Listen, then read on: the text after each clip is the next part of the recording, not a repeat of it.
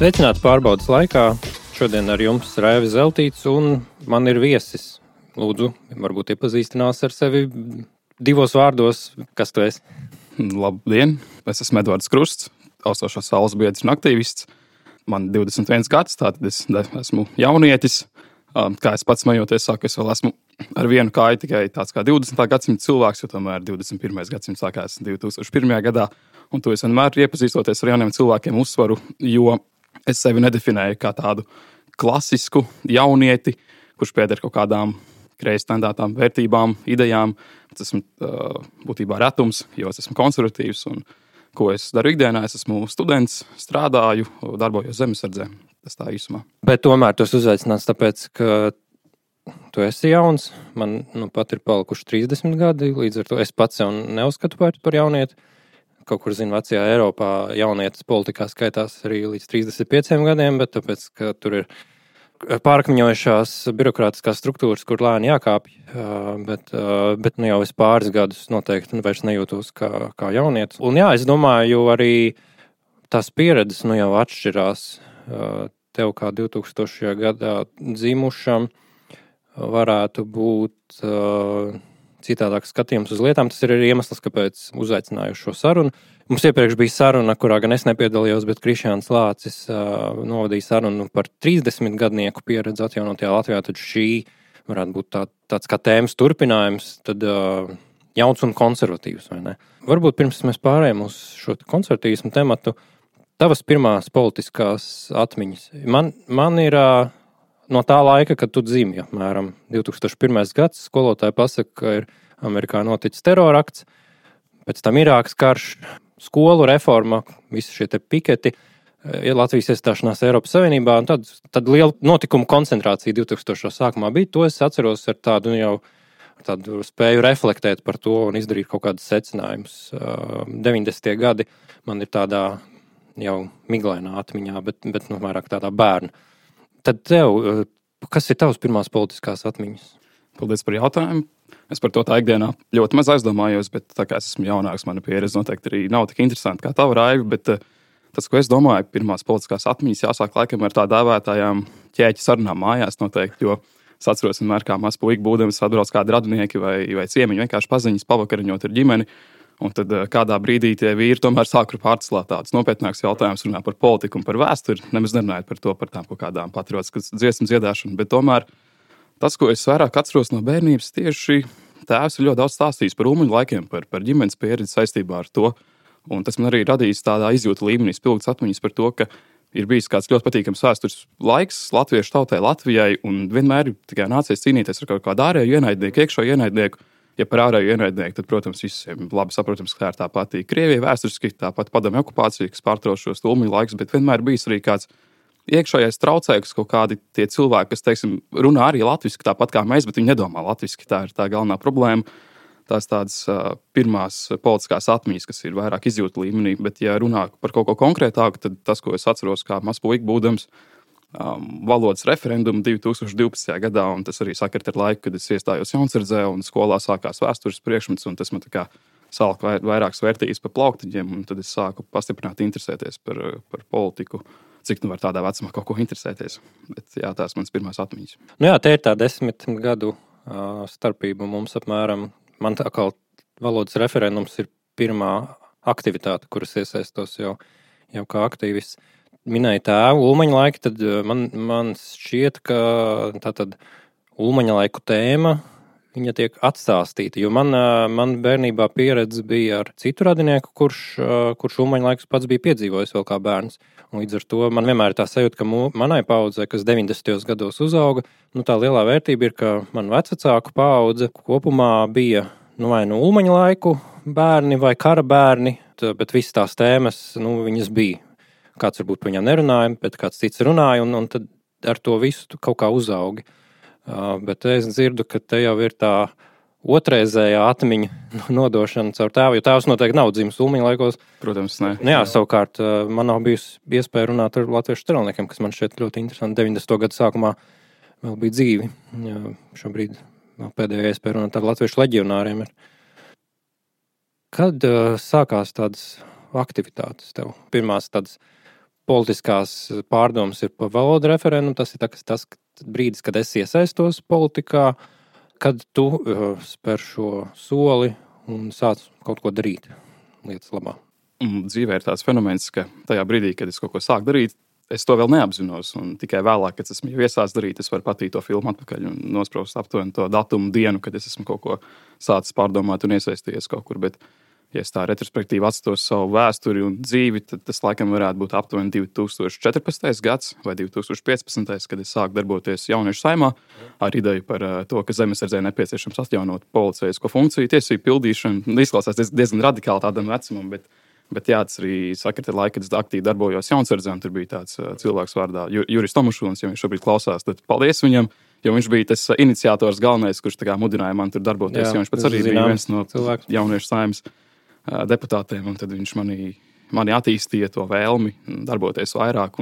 Es atceros, mums Jaunzēdzē tika izveidota tāda kā pēdiņā spēcvienība ar nosaukumu Tango, un tad es biju atbildīgs par, par iekšējām propagandas lietām, tā teikt. Un es apko, es, nu, tas izklausās, tas, protams, ļoti nevainīgi, jo viss, ko es darīju, apkopoju vienkārši kādas ziņas, plašu ziņu līdzekļos, kas saistīts ar ārpolitiku, militārajām aktivitātēm, un tad informēju par to savus jaunākos biedrus. Un tas arī kaut kā organiski attīstījās, un es uh, sāku meklēju, interesējos vairāk par, par politiskām partijām un kaut kādā veidā nokļuvu Nacionālajā apvienībā caur, pasa, caur, caur esēju konkursu, aicinām personu runāt latviešu.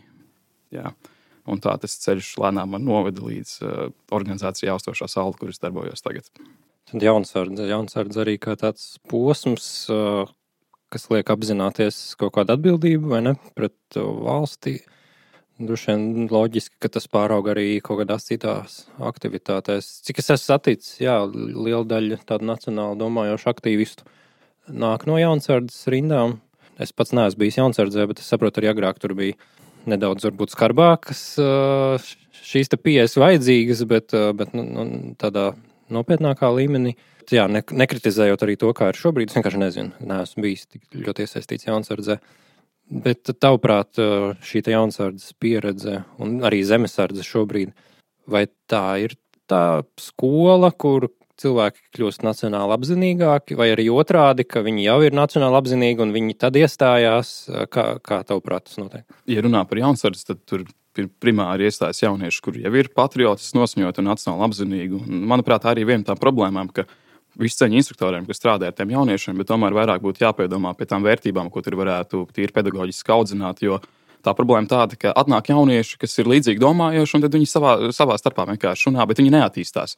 Viņi varbūt kļūst uh, noturīgāki, piederīgāki savai ideoloģiskajai līnijai, bet uh, tie instruktori bieži vien tādi ļoti apolitiski, un viņi nenovērtē to jauniešu deksmi un vēlmi vairāk kaut ko mācīties, attīstīties. Viņi aprobežojas tikai ar to militāro uh, lietu iemācīšanu. Mm, Savulaik Latvijas laikā bija tomēr jaunsargi citādāk. Latvijas laikā es runāju par, par pirmās Latvijas periodu, kad jaunsargi kā aizsarga apakšvienība, tā teikt, apakšorganizācija, tur tomēr arī bija tā politiska audzināšana. Nu jā, tas vērtība, jau bija pakārtots sabiedrisko lietu ministrijai, un, un tur bija uzstādījums būt ideoloģiskiem, tagad ir tieši otrādi. Saprotamu iemeslu dēļ aizsardzības nozare mēģina šķirt no, no politikas, bet, protams, valstiska domāšana tam ir jābūt pāri partiju lietām. Un tā ir politika, bet tā nav šaura politika. Tā ir tāpat politika, ko īstenībā galu galā aizsardzības joma sargāt valsti. Manuprāt, skaidrs, tā tad ir jaunsardze, ir partija, vienā brīdī arī austošā saule. Jā, acīm redzot, tad tev ir skaidrība par to, kam tu tici. Tas ir nacionālisms, koncertīsms. Kā tu definētu šīs lietas, vai tu, vai tu piekrīti šiem apzīmējumiem?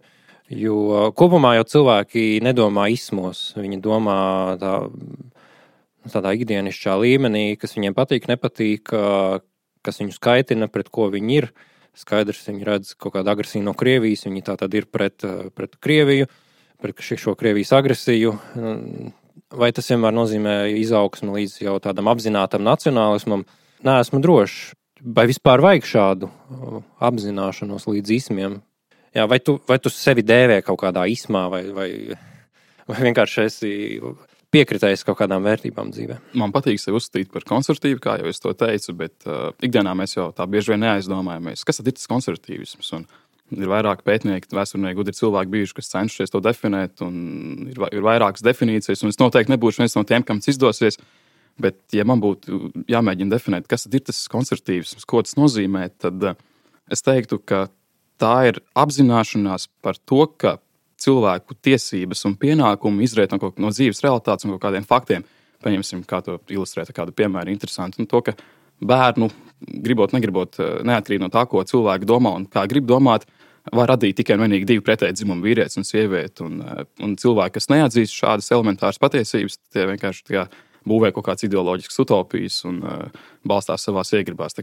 Manā skatījumā konservatīvs primāri asociējas ar to, ka jā, mēs pieņemam dzīves realitāti tādu, kāda tā ir, pakārtojam savas tiesības un pienākumus uh, šiem likumiem. Un, uh, jā, mēs esam konservatīvs cilvēks, manuprāt, ir nobriedzis cilvēks. Ja vēl pieņemsim vēl kādu ilustrējošu piemēru, nāk prātā tagad marksisti, tad teiksim, viens no ekonomikas pamatlikumiem ir tāds, ka materiālajie resursi pasaulē ir ierobežoti, bet cilvēku vajadzības un vēlmes ir nepiepildāmas, bezgalīgas. Un mar marksisti neatzīst šo pamatu aksiomu, un viņi runā par kaut kādu vienlīdzību, bet mēs redzam, kas no šīm idejām pasaules vēsturē radies. viens vienīgs terors, asins izliešana un vardarbība. Kā, jā, tas ir pretmets konservatīvismam. Bet nu, kopumā par jauniešiem parasti saka, nu, tā jau ir, ir, ir šis jauniešu vecums, kad jaunietim ieslēdzās kaut kādas programmas, lai man biologi varbūt nu, teiks, ka tā, tā nav zinātniski, bet, bet pēc dzīves pieredzes ir noteikts posms, kurā jaunietim ir svarīgi atdalīties no vecāku līgzdas un doties plašajā pasaulē, un tad loģiski radās sacelšanās pret visu to, ko vecāki māca, stāsta. Un, manuprāt, ko mūsdienu kreisie dara, viņi ļoti sekmīgi šo dabisko impulsu ir izmantojuši savai ideoloģijai, ievirzot jauniešus tādā pastāvīgā sacelšanās posmā, ka viņi tagad ir pret visām normām, kas ir bijis, viss tā ir tumsonība, viduslaiki, un, un kas iztrūks agrāk bija nu, posms, kur jaunietis kļūst par pieaugušo, un tad nu, šī sacelšanās tā kā, tā kā beidzās. Cilvēks aiziet savu dzīves ceļu, un tad nu, izveido savu ģimeni, nostiprinās dzīvēm Senajā pasaulē bija iniciācija, kas iezīmē šo beigu posmu jaunībai un, un, un, un pieaugušo dzīvi. Tad šobrīd, man liekas, ir daļa pieaugušo 30, 40 gadīgu, kas vienkārši joprojām ir staigājoši jaunieši. Dzīvi staigājoši, elpojoši, bet uh, prātā, prātā jaunieši, kuri vienkārši nepieaug. Pat šobrīd kara apstākļos turpina runāt kaut kādas fantāzijas. Un tad savukārt ir uh, jaunieši, kas ir ļoti nobrieduši, savam vecumam netipiski un runā par šīm lietām, ko tomēr nevar mainīt cilvēku iegribas. Pats reflektējot par sevi, es apzinos, es vienkārši pēc dabas esmu konservatīvs. Nu, man, patīk, man patīk kārtība, man patīk skaidrība, likumi, kaut kādas normas, par kurām visi vienojās, ievēro un tad dzīvo kopumā sakārtotu un mierīgu dzīvi. Tā tas ir no mazajām lietām līdz pat lielajām. Tad nu, man ir konservatīvs raksturs kopumā. Vai tavuprāt, tev ir šīs, šāds konservatīvs raksturs, kas tev padara par konservatīvo, vai arī tas ir kaut kas cits? Ikdienā arī esmu dažkārt aizdomājies par to, kādēļ es esmu tāds, kāds esmu, kādēļ es esmu konservatīvs. Un jāsaka, ka lai cik dīvains arī nesklausītos, bet es pats nevaru atbildēt šo jautājumu, jo man liekas, ka pašsaprotami vienkārši tādam jābūt parastam cilvēkam, tādam konservatīvam. Tā, tādam, tādam jābūt ikvienam no mums. Bet, uh, manuprāt, es, es domāju, ka pamatslēgas vārds šajā atbildē noteikti ir ģimene, vide, no kuras mēs nākam. Un tās vērtības jau pamatā tiek ieaudzināts ģimenē. Piemēram, es pats arī divus gadus esmu strādājis par vēstures skolotāju, šobrīd vairs nestrādāju. Bet uh, man ir pietiekami plaša pieredze darbā ar, ar, ar tiešām jauniem cilvēkiem, jo tās klases, ko es mācīju, tās bija 6, 7, 8, 9. Un tad uh, ir tādi bērni, kas ir uh, ļoti apzinīgi, ļoti prātīgi, jau tādā, jau tādā mazā vecumā definējami kā koncertīvi, tā var teikt. Savukārt arī pilnīgi pretmeti, un tā sakrība, ko es pamanīju, tie bērni, kas ir kārtīgi, gudri un centīgi, uh, viņi nāk no pilnvērtīgām ģimenēm. Ģimenes, kurās uh, ir abi vecāki. Protams, ir arī izņēmumi gadījumi, kad ir uh, bērns no nepilnas ģimenes, kur tikai viens no vecākiem dažādu iemeslu dēļ. Arī tad ir uh, šie mācību sasniegumi vērtējami kā, kā labi vai augsti, bet uh, tomēr tā sakrība ir acīm redzama. Pirmkārt, tā ir ģimene. Tātad, uh, manuprāt, atslā, atslēgas vārds un nozīme mm, šī jauniešu dzīvē ir audzināšanai. Tās uh, vērtības teikt, nu jā, nāk no ģimenes, kā jau es teicu ja tās ir, tad tās ir vienkārši. Tur, tur neko nevar izdarīt. Es domāju, tur, tur nav runa par kaut kādām personīgām iezīmēm. tās iezīmes jau izveido mūsu vecāki un cilvēki apkārt. Kā vide ir tā, tas primārais faktors, kas nosaka to, kādi mēs esam. Tad sanāk, tā prognoze varētu būt drūma, jo, jo kreisums paši atražojās no tā, ka viņš sagrauj sabiedrību, un no sagrautas sabiedrības rodas uh, cilvēki, kas domāšanā ir uh, kopumā vairāk uz haosu un nekārtību virzīti. Tad tā sanāk. Tā sanāk, bet, protams, nevajag tik pesimistiski arī. Tāpēc, ka... Es esmu optimists tādā ziņā, ka man, es esmu uzaugusi nepilnā ģimenē, un, un es par savu konservatīvismu vairāk domāju, kā pretestības formu. Tādā ziņā reizēm konservatīvisms ir sava veida sacelšanās, varbūt mūsdienās tīpaši.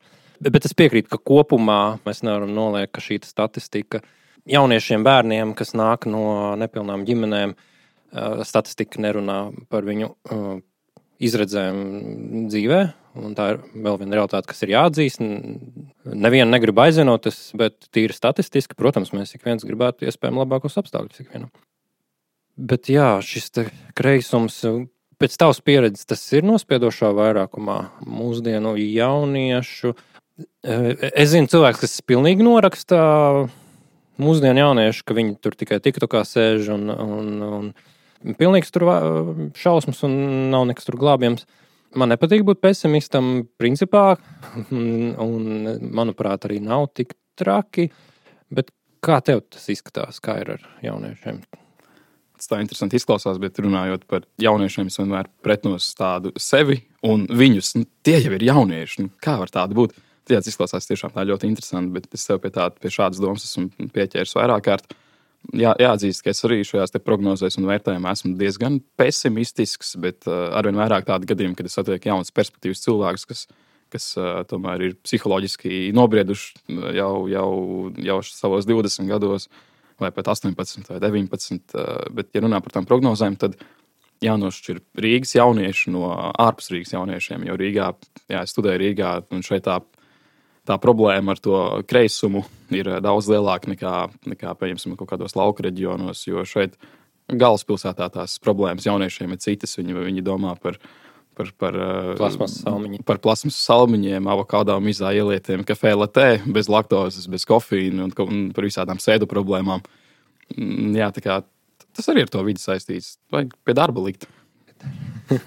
Darbs atrisina visas problēmas. Par darbu runājot, par, es pirms tam minēju šo iniciāciju. Un, manuprāt, tas, kas agrāk nodrošināja šo iniciāciju no, no bērnības, pieaugušo dzīvē un no šīs pusauģa nesakārtotības uz zināmu konservatīvu kārtību, bija militārais dienests. Un es zinu, daudziem vidējās paudzes cilvēkiem negribās viņi, negrib viņi dzirdēt neko par obligāto militāro dienestu, jo viņiem ir padomju pieredze. Un tas nav piemērs, uz ko vispār jāskatās. Bet uh, es vairāk skatos uz šo pašu uh, Umaņa laiku un pirmās Latvijas laika pieredzi, kur, uh, kur bija šis dienests, un tas iedeva sakārtotību kaut kādu pamatu. Es pats arī esmu izgājis zemesardzes pamatu apmācību, ne jau kādu laiku zemesardzē, to arī esmu zemesargs. Vai tev arī šķiet, ka tā ir pieredze, kas tomēr cilvēku ieliek kaut kādās pareizajās sliedēs. Es pat negribētu teikt konservatīvās, bet vienkārši nobrieduši, atbildīgi pieauguši cilvēku sliedēs. Paldies par jautājumu. Eh, sākumā viena maza tāda humora pilna piebilde par uh, padomu laika dienestu. Tad, uh, zinu, tā teica viena tēva stāstījis, ka obligātais militārais dienests padomu laikā tā ir vislabākā dzīves skola vīrietim, ko vislabāk pabeigt neklātienē.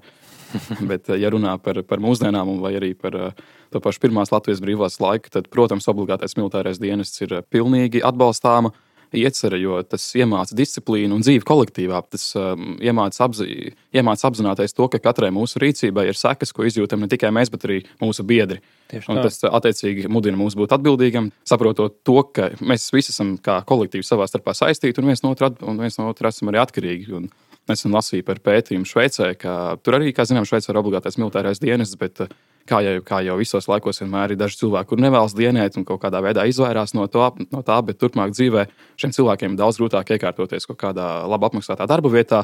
Tikai tādēļ, ka uz viņiem skatās kā uz nu, teikt, zemāku rangu cilvēkiem, kas nav izgājuši kaut kādu tādu attiecīgu apmācību un kas nav tik uzticami kaut, kaut kādā kaut kādā mērā. Un nav nu, tur par militāro dienas runājot, nav tik ļoti runa par vērtībām, par kaut kādu konservatīvismu vai nacionālismu. Tas pats tas nāk pats no sevis un arī, protams, saistīts ar to dienestu vidi. Bet runa ir par to briedumu, ko, ko tas Nu, tā ir atbildība. Tieši Tu tā, saproti, ka tu ir neesi pasaules centrā, tu esi daļa no kopuma, ir uzdevums, un, ja tu neizdari savu uzdevumu, tu pievili pārējos vienkārši. Un, un desmit cilvēku nodaļā droši vien to var labi izjust. Tas, ko varbūt uh, atomizētais uh, Rīgas avokado dzērājs.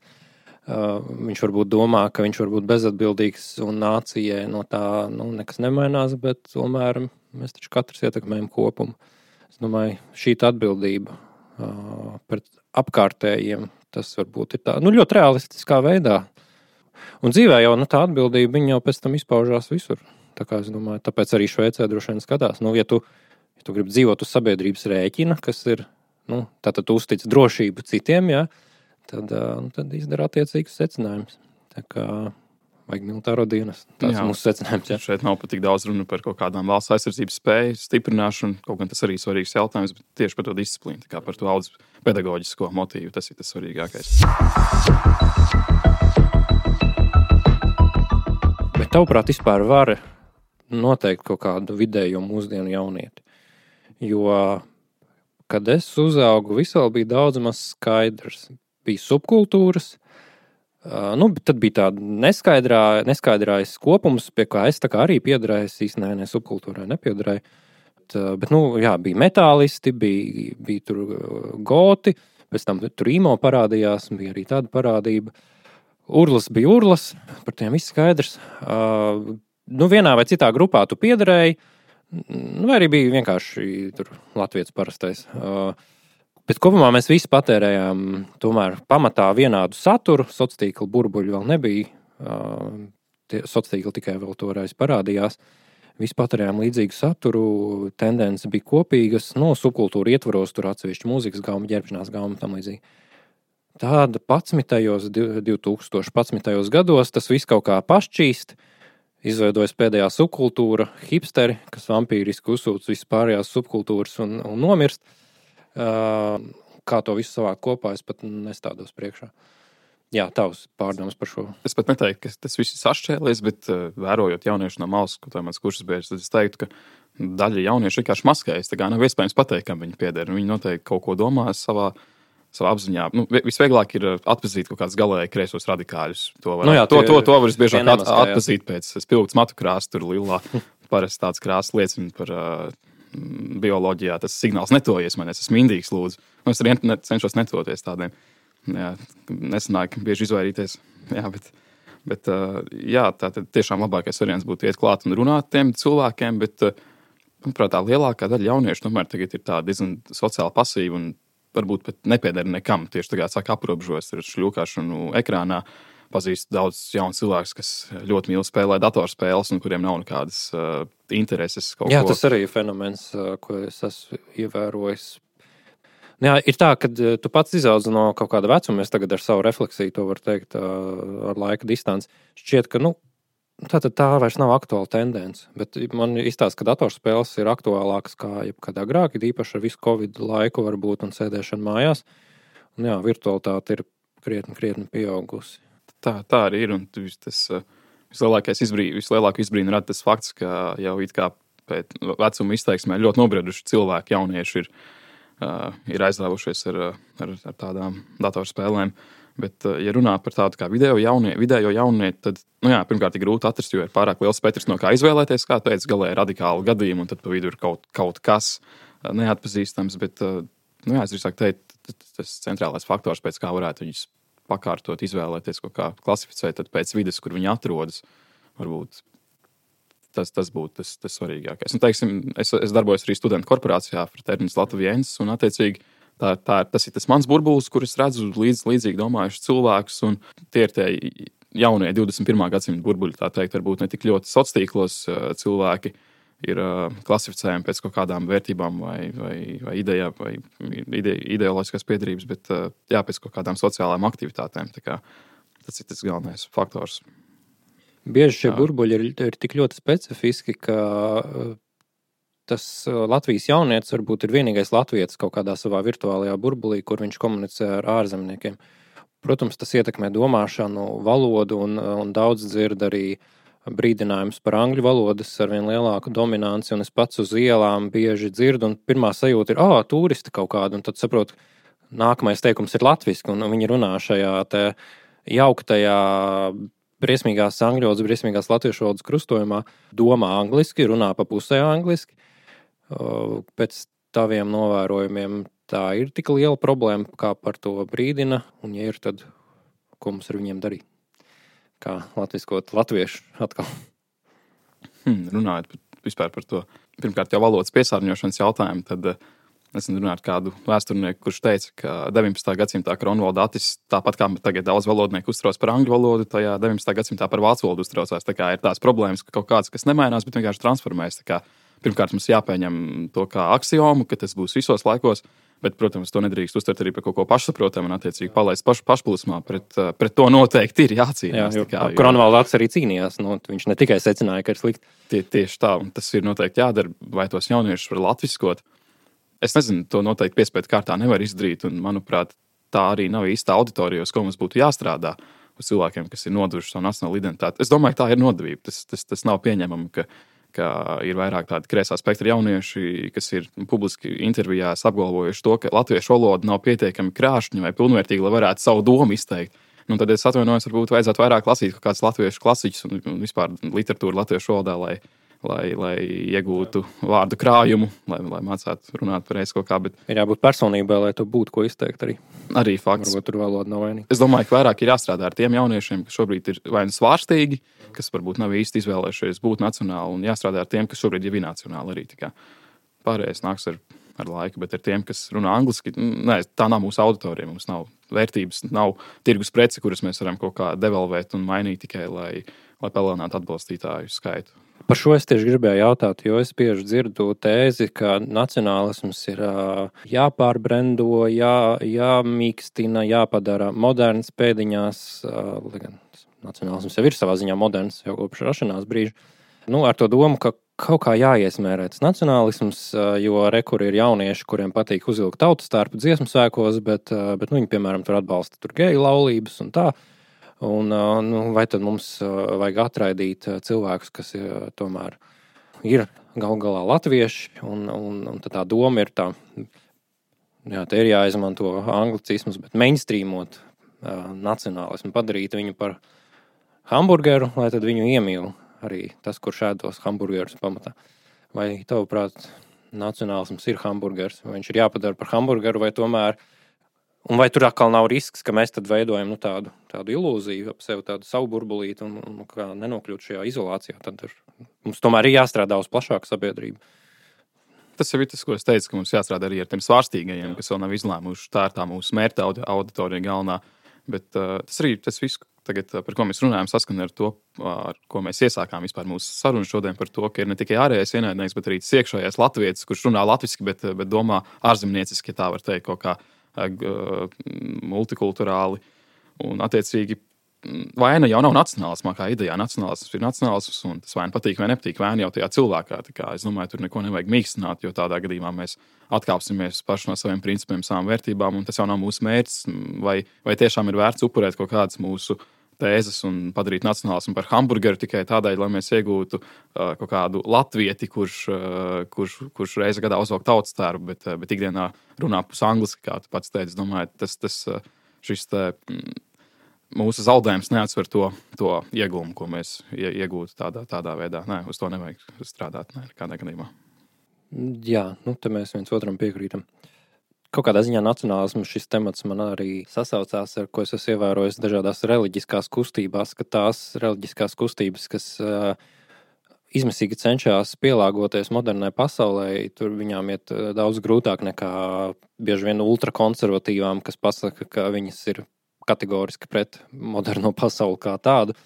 Jo cilvēki meklē, nu, ja viņiem kaut kas nepatīk, viņi meklē alternatīvu, viņi meklē kaut ko pilnīgi citu, nevis nu, to pašu.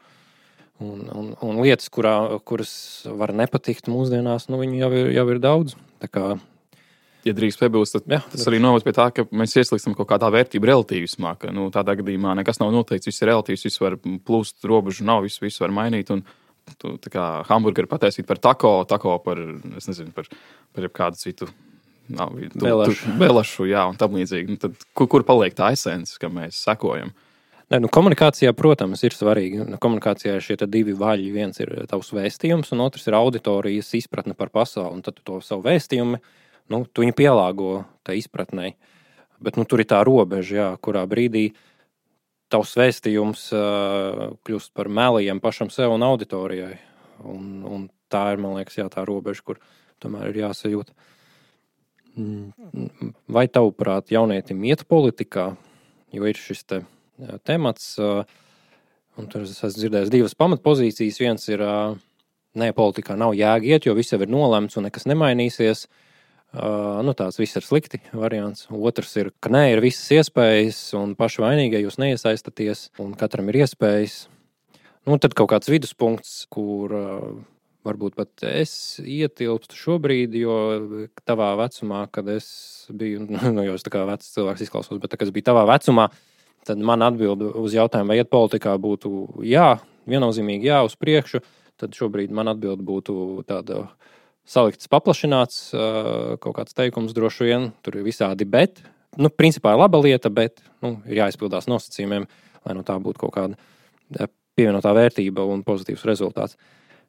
Tavs viedoklis, kā cilvēkam, kurš arī ir jauns iesaisties savulaik politiskās aktivitātēs, ko darīt jaunietim, kuram ir 20, viņam varbūt interesē politika, interesē aktualitātes viņam iet politikā. Un, ja iet, tad ko tas vispār nozīmē iet politikā? Stāties partijā? Ļoti plašs un interesants jautājums. Un galvenais man tagad neatbildēt tā, lai es nenonāktu pretrunā pats ar sevi. Uh, bet uh, man ļoti nepatīk tās akcijas mūsdienās, kas uh, kaut kādas, ko, ko, ko, ko rada kaut kādas valsts iestādes.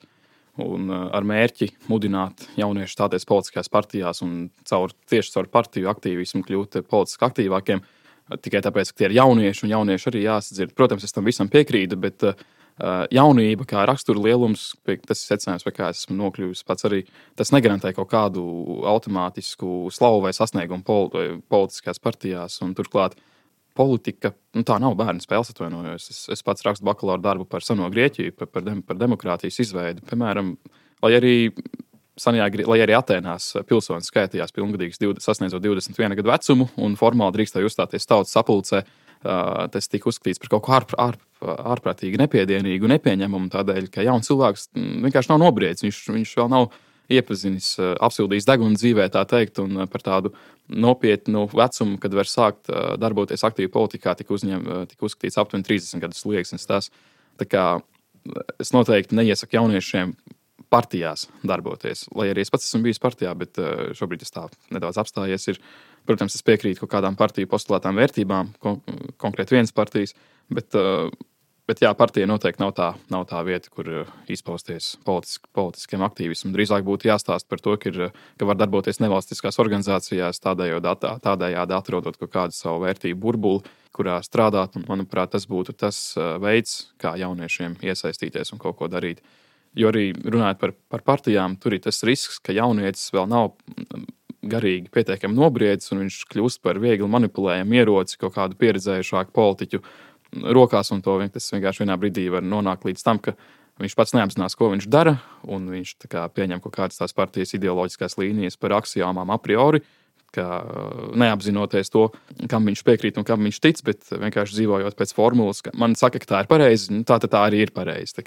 Es domāju, ka tas nav tas pareizākais ceļš, un ka ir noteikti arī citas politiskā aktīvisma formas, kur pašrealizēties nu, biedrības, tas pats studentu korporācijas, kaut kā atrast savu vienkāršu vērtību burbuli, kurā izveidot savu pasaules uzskatu, noformēt, un tikai varbūt vēlāk, tad, kad tas uh, ir izdarīts, tikai tad ar kaut kādu savu dzīves redzējumu iestāties partijās un mēģināt um, veidot politiku augstāk, augstākā līmenī. Mēs sākumā nepieminējām, tu kautrīgi noklusēji, un es nepieminēju, bet to arī dzēju raksti, kas nav laikam tipiska nodarbe mūsdienu jaunietim. Kas varbūt ir tā viedasma savoti, runājot jā, par viņa par latvietību konservatīvismu. Jo pa, pašķirstot mūsdienu dzīslu izdevumus, ātri vien gribās šķirt viņus prom. Tie ir tādi postmoderni, vulgāri, pārsvarā parupji sacerējumi. tas, ko tu raksti, ir uh, krietni klasiskāks pēc formas. Jā, paldies par tik labiem vārdiem. Pirmkārt, uh, otrkārt, tieši par, par dzēju runā par klasisku pēc formas vai arī par kaut kādiem vulgārismiem. Tad šeit tas, tā, tas ir plašāks diskusiju lauks vispār par mākslu kopumā, par to, ka, kas ir modernisms, kas ir postmodernisms, par to, ka nav nekāda vērtība tā, tas mākslas darbs ir nokļuvis līdz tādam, tādam absurdam, ka vienīgais, ko mākslinieks demonstrē, tā ir tehnika kaut kāda. Tur, tā ir, tas ir mākslas darbs bez vēstījuma. Man patīk, kā mans uh, seno laiku profesors Harijs Tumans, kā viņš reiz, reiz uh, pusjokodamies teica, ka mūsdienās var fekālijas izmērīt pret audeklu, un, ja, ja piedomā pareizos vārdus, tad to var uh, nosaukt par, par mākslu. Tas, tas pat nav joks, tas burtiski notiek tā arī. Tā arī tas notiek. Tieši tā, vai arī banānu pielīmēt ar skoču pie sienas. Nu, es atvainojos, kur mākslā tomēr, manuprāt, ir jādziedina cilvēki. Tāpat kā senajā Grieķijā pie Asklēpijas svētnīcas, tur, tur blakus bija Asklēpijas, tas bija um, dzied, ārsts, die, dieva ārsts, jā, dievs ārsts pie šīm svētnīcām blakus bija teātris vieta, kur notika cilvēku garīgā, mm, audz, nevis audzināšana, bet dziedināšana. dziedināšana. Mm. Jā, un attiecīgi šīs te, šo te garīgās dziedināšanas funkciju veica māksla. Manuprāt, tas ir tas galvenais uzdevums, kas mākslā jādara, un arī mūsdienās tam būtu jābūt primārajam, nevis pārsteigt ar jā, audeklu notrēpītu. Kā, tas ir tas mans vadmotīvs. Es gan pats no malas īsti nesaprotu, cik labi man tas nāk vai nesanāk konkrēti rakstot dzēju. Bet uh, jā, un no kā es iedvesmojos, nu, protams, tas ir latviešu literā, literārais kanāls, Aleksandrs Grīns, Čaks, ja, no, ja par dzēniekiem, tad, protams, Virza Vēdambaums, Fricis Bārda, visa, visa klasika. Nav jau patiesībā mums nemaz tik daudz viņu, tā kā nav, nav grūti viņus visus iepazīt. Bet, protams, jā, arī, arī, arī rietumu klasiskā literatūra. Nav runa tikai par, antīko, par antīkiem laikiem, bet arī par tas pats Remarks, Ingers un tam līdzīgi Igo. Kas ne visi ir dzinieki, bet uh, jā, kaut kāda zināmā vienkārši garu literāti. pauž. Labi, paldies tev, kā atnācīji. Līdz šim varbūt daļa klausītāju bija lasījuši tavus rakstus, varbūt bija redzējuši kādu tavu bildi šur tur sociālos tīklos. Tagad zina arī, ka tev ir balss. Bet jā, paldies tev, ka ieradies. Uh, Paldies par to, ko tu dari. Ne tikai austošajā saulē, bet, eh, bet ikdienā, kaut vai rakstot dzēju, paužot savas vērtības eh, cilvēkiem, kas ir apkārt, kā mēs tie, savos rādījumos esam runājuši. Tas ir tas, ko mēs varam darīt, šī ideja cīņa, saukt lietas īstajos vārdos, no tā nekautrēties. Tas arī tas, ko tu dari. Paldies tev par to. Un eh, jā, paldies klausītājiem, ka bijāt atkal ar mums pārbaudas laikā. Jā, paldies, tev, ka uzaicināji.